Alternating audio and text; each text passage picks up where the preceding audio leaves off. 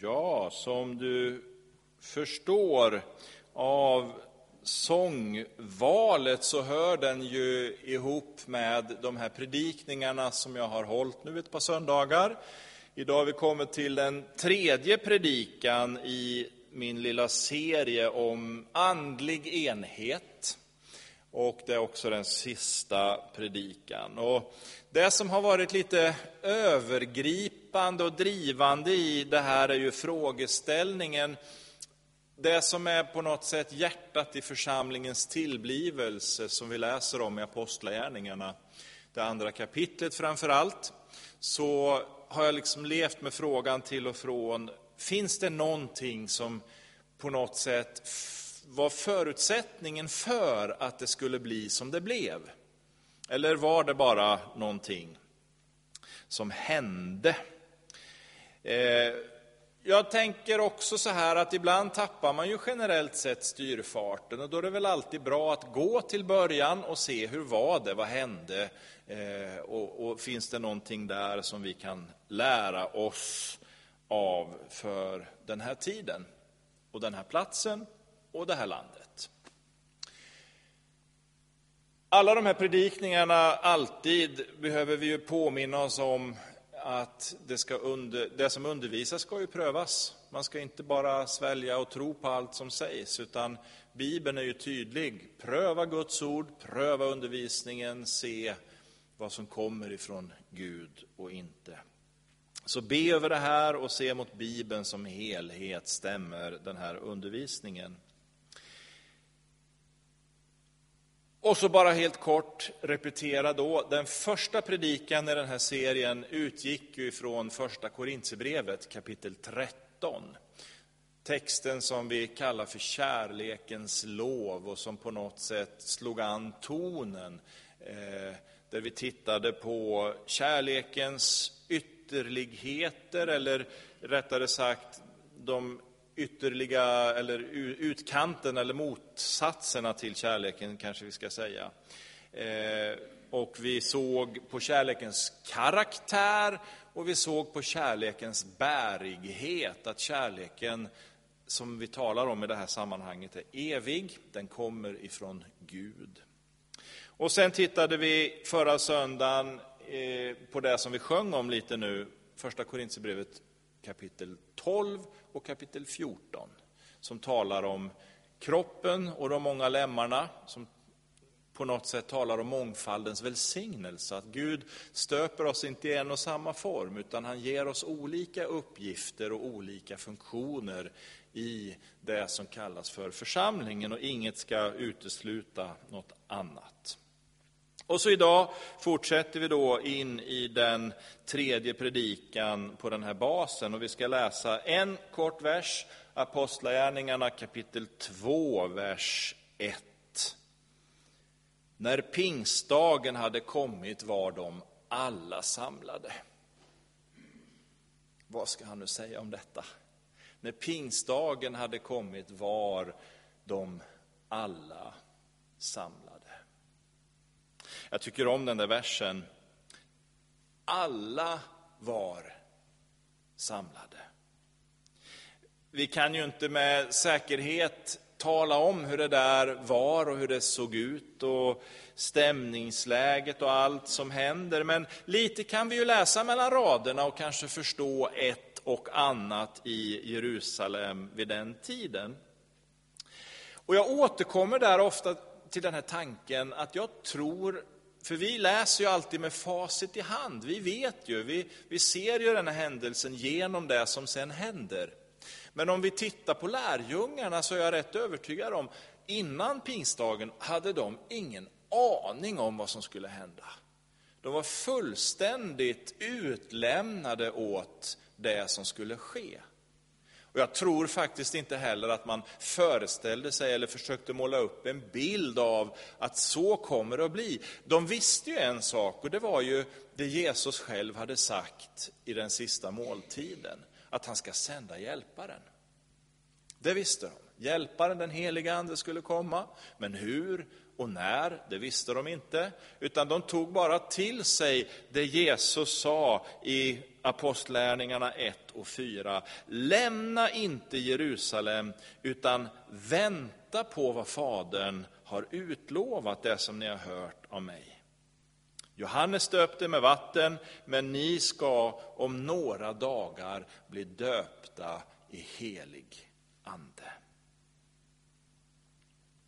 Jag tror som sagt inte lärjungarna var så fokuserade på att spekulera i hur det där skulle ske. Utan de tog Jesus på orden och sa, nu stannar vi här i Jerusalem och så väntar vi.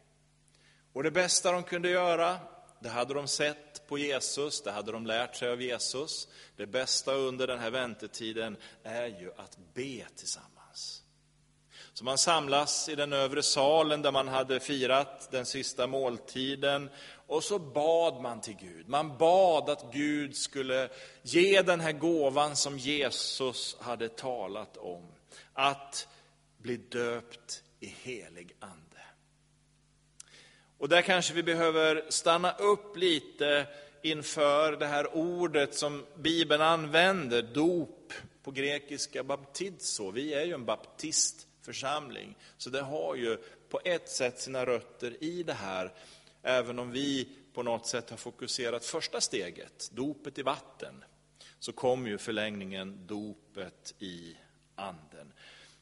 Och jag vet inte om jag har sagt det här, men det bästa sättet att förklara vad dopet är, det är att tänka på det här med gurkor. En gurka. Vad händer om vi lägger gurkan i vatten? Ja, det händer inte så mycket. Den är ju själv mest vatten. Eh, den kan möjligen bli ren till det yttre, men den är fortfarande samma gurka som innan. Men så har vi det här lilla trolleriknepet. Om vi lägger den i, i det här ättikslagen eller vad man nu har. Ja, då händer någonting. Gurkan blir en saltgurka. Det är fortfarande en gurka. Den ser fortfarande likadan ut. Konsistensen är fortfarande likadan. Men smaken har förändrats. Och det är ju inte bara för en stund, utan den får en ny smak, en varaktig förändring. Och så är det med dopet. Först dopet i vatten och sen dopet i den helige Ande. Man blir förändrad för livet. Man är inte densamme efter att Gud har kommit över oss. Och lärjungarna visste inte hur det här skulle ske, de visste inte exakt vad som skulle hända. Men så står det, på pingstdagen var de alla samlade tillsammans inför Gud i bön. Och det där är en viktig nyckel för mig i pingstdagens dramaturgi. För när de hade samlats tidigare så tror inte jag att alla hade varit där. Det blir givetvis en liten tolkning. Men det var många tider och stunder man hade samlats där i den övre salen, man hade bett. Och så kom den här dagen när Petrus på något sätt får för sig, nu behöver vi utse efterträdaren till Judas som hade förrått Jesus. Och då står det att de var 120 stycken i den övre salen. En exakt siffra. Men så kommer vi fram till den här texten som jag läste och då står det inte 120, för jag tror att de var fler än 120. Och då står det inte exakt hur många de var, utan Lukas skriver, då var alla samlade. Hela församlingen. Det var ingen som saknades. Vi vet inte hur många de var, men det som jag vill komma fram till med de här orden, att alla var samlade, och lyssna nu riktigt noga, för det här är viktigt. Det står att den här elden, eller tungor som av eld, det var väl inte eld, men tungor som av eld, kom och satte sig på alla. Det var inte bara kärntruppen, det var inte bara apostlarna, det var inte bara församlingsledarna som fick uppleva det här, utan det står att elden, anden, satte sig på var och en av dem och alla uppfylldes av helig ande. Alla. Och jag tror, det som sen händer, kopplat till min förra predikan, det som sen händer när lärjungaskaran, alltså församlingen, hela församlingen, blivit beklädda med den heliga Andes kraft, då rusar de inte bara ut på gator och torg för att ha sina små eller stora kampanjer. För hur var det nu då, vi läste i förra predikan i första Korintierbrevet 14, ja där står det ju att Gud är ordningens Gud. Det är ingen slump, inga tillfälligheter. Gud han har en plan och han har en ordning. Och så låter han, i sin fi, finkänslighet, så låter han den heliga ande börja samverka med var och en i församlingen, allihopa. Och av de här alla så var en del väldigt framåt och påtagligt drivna. Andra kanske var lite mer blyga och återhållsamma i sitt uttryck. Oavsett den här mångfalden som fanns där, så kom anden över alla och alla fick utifrån sina förutsättningar vara med och tjäna. Och det behöver vi påminna oss om. I synnerhet vi som är svenskar. För vi är ju upplärda med tanken att du ska minsann inte komma här och tro att du kan någonting eller är någon. Håll dig på din plats. Kryp bakom någon så inte du ses. Vi måste förstå att Gud vill ge oss, utifrån vår personlighet, en funktion i församlingen. Inte undantryckt åt sidan. Så Gud vare tack, församlingen är inte som världen. Här säger vi inte åt varandra att man ska springa och gömma sig eller hålla sig på sin plats. För varje lem är värdefull, varje del i kroppen behövs. Sen syns en del mer och andra syns lite mindre. Mänskligt sett kan somliga uträtta det som kan tyckas vara större, medan andra kanske inte gör det som syns. Men Gud värderar inte det här. Han tycker inte att en sak är viktigare än något annat. Han rangordnar oss inte och har olika värden på oss.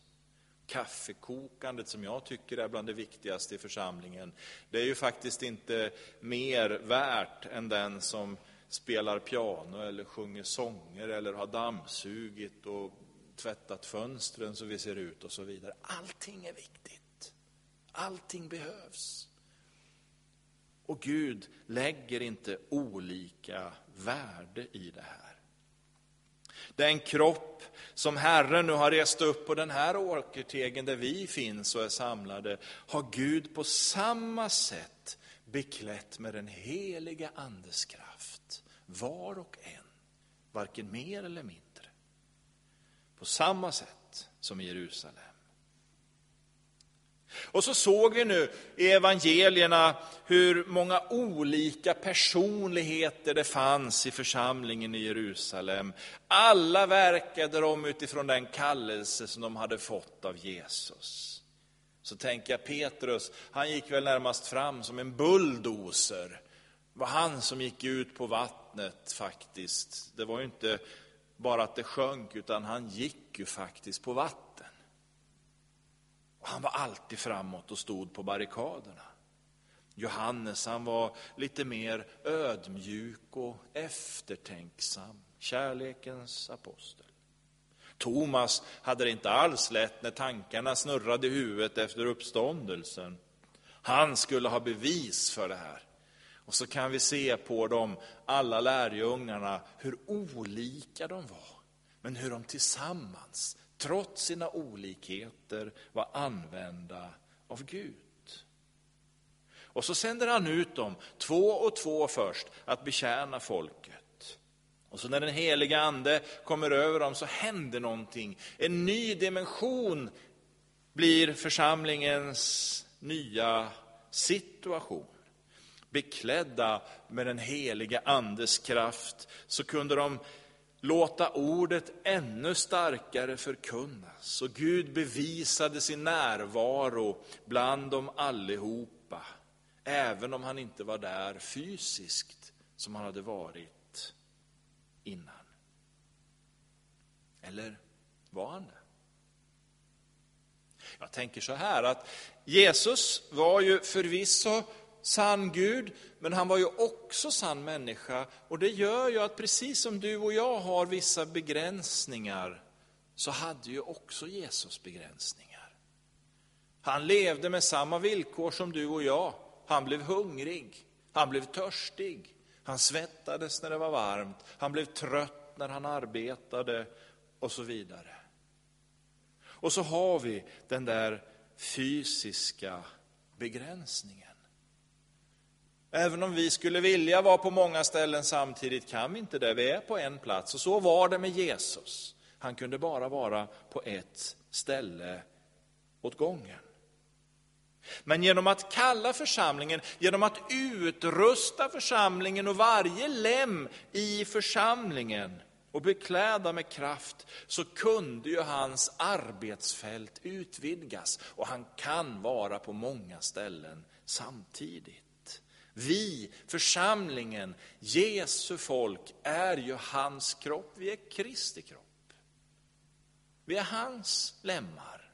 Idag är det vi som går ut över jorden med villighetens skor på våra fötter. Vi är de händer som betjänar människor. Ett vänligt handslag, ett varmt omfamnande. Vi är hans mun som talar det glada budskapet, evangeliet, till en värld som håller på att gå förlorad. Vi är Kristi kropp. Många kroppsdelar, men han är huvudet. Han är fortfarande här på jorden. Hans ande styrker, hans ande hjälper och fördelar de andliga gåvorna på oss, genom oss, i oss. Så att vi kan betjäna människor där vi går fram. På samma sätt som Jesus. Och det viktiga i det här är ju vad Jesus säger i Johannes evangeliets femtonde kapitel. Då säger han, när hjälparen kommer över er ska ni vittna om mig. Och vittna det gjorde lärjungarna på olika sätt. Petrus han predikade utifrån sin personlighet. Johannes, Jakob, Andreas, Thomas och vad de hette, ja de hade sina sätt att vittna om Jesus. Med ord, men garanterat också med gärningar. Mose, tänk på honom även om det gamla testamentet. Han sa ju att han hade ju inte ens talets gåva. Och så får Aron tjäna i det stället. Som ett vittnesbörd för den som känner, jag kan inte stå och predika. Nej, men alla ska inte stå och predika. Jag kan inte vittna långa, härliga, djupa utläggningar om bibelordet. Nej, men alla behöver inte göra det. Du kan visa vem Jesus är på så många andra sätt än genom ordet. Poängen är att de tillsammans betjänade människor och människoliv förvandlades. Vi kan analysera det här, vi kan spekulera åt både ena och andra hållet när det gäller till varför det bröt igenom i Jerusalem. Och det är klart att det mest tydliga och självklara är ju lydnaden hos lärjungarna. De gjorde vad Jesus sa att de skulle göra. Bönen är också en viktig del i det här. Man talade med Gud, man talade med Herren om både det ena och det andra och kom i rätt förhållande till honom i det här. Men så tror jag också, för annars skulle aldrig Lukas nämna det i Apostlagärningarna, jag tror att den djupa andliga enheten var nödvändig. Det står att när de alla var samlade i övre salen så bad de endräktigt. De bad med ett hjärta och en själ, om man skulle översätta det bokstavligt. Man visade att vi är en kropp. Vi är inte splittrade och delade åt höger och vänster. Som ett hjärta och en själ, odelad av den gudagivna kärleken, första Korintierbrevet 13, som fyllde deras hjärta. Och så läser vi i Apostlagärningarna 2 hur Gud öppnar för den här enheten som har varit oenighet sedan Babels torn. Om du kommer ihåg i början av första Mosebok hur människorna får för sig, man står där med ett språk, man står där som en människa så att säga, och så bygger man det här tornet upp till himlen för att göra sig till Gud. Och Gud tvingas där sprida ut folket över hela jorden med olika språk, olika kulturer som gör att man inte längre kan förstå varann på samma sätt. Men nu på pingstdagen drar Gud ihop det här och plötsligt förstår alla människor från olika delar av det här jordklotet vem Jesus är. För lärjungarna talar nu på ett sätt med olika språk som man inte hade kunnat göra förut. Kroppen är en, men lemmarna är många. Vi har olika personligheter, vi har olika uppgifter, men djupt förenade i den kärlek som Gud har givit oss. Och när vi kommer dit till ett hjärta hjärta och en själ i Sverige, så tror jag också att Herren på nytt frikostigt välsignar oss och utgjuter av sin andes kraft så som vi alla behöver. Låt oss be.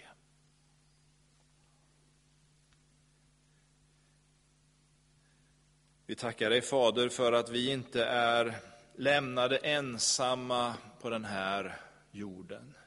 Herre, du har inte låtit oss stå här för att i egen kraft fullgöra det uppdrag som du har gett oss. Tack för att du bejakar våra olikheter. Tack för att du inte värderar det vi gör och de olika uppgifter vi har. Utan precis som kroppens alla olika lemmar utgör en enhet där var lem är viktig, så är också vi, Herre, med våra olikheter och olika uppgifter viktiga och nödvändiga. Om en pusselbit tas bort är inte bilden hel och fullkomlig. Alla var samlade i Jerusalem och vi förstår att då var bilden också fullkomlig. Nu ber vi för Sverige, vi ber för det land som vi bor i, vi ber för den plats där vi är idag, Herre, att kristna ska förstå enhetens nödvändighet för att du ska verka ibland oss. Dina äran och makten från evighet till evighet. Amen.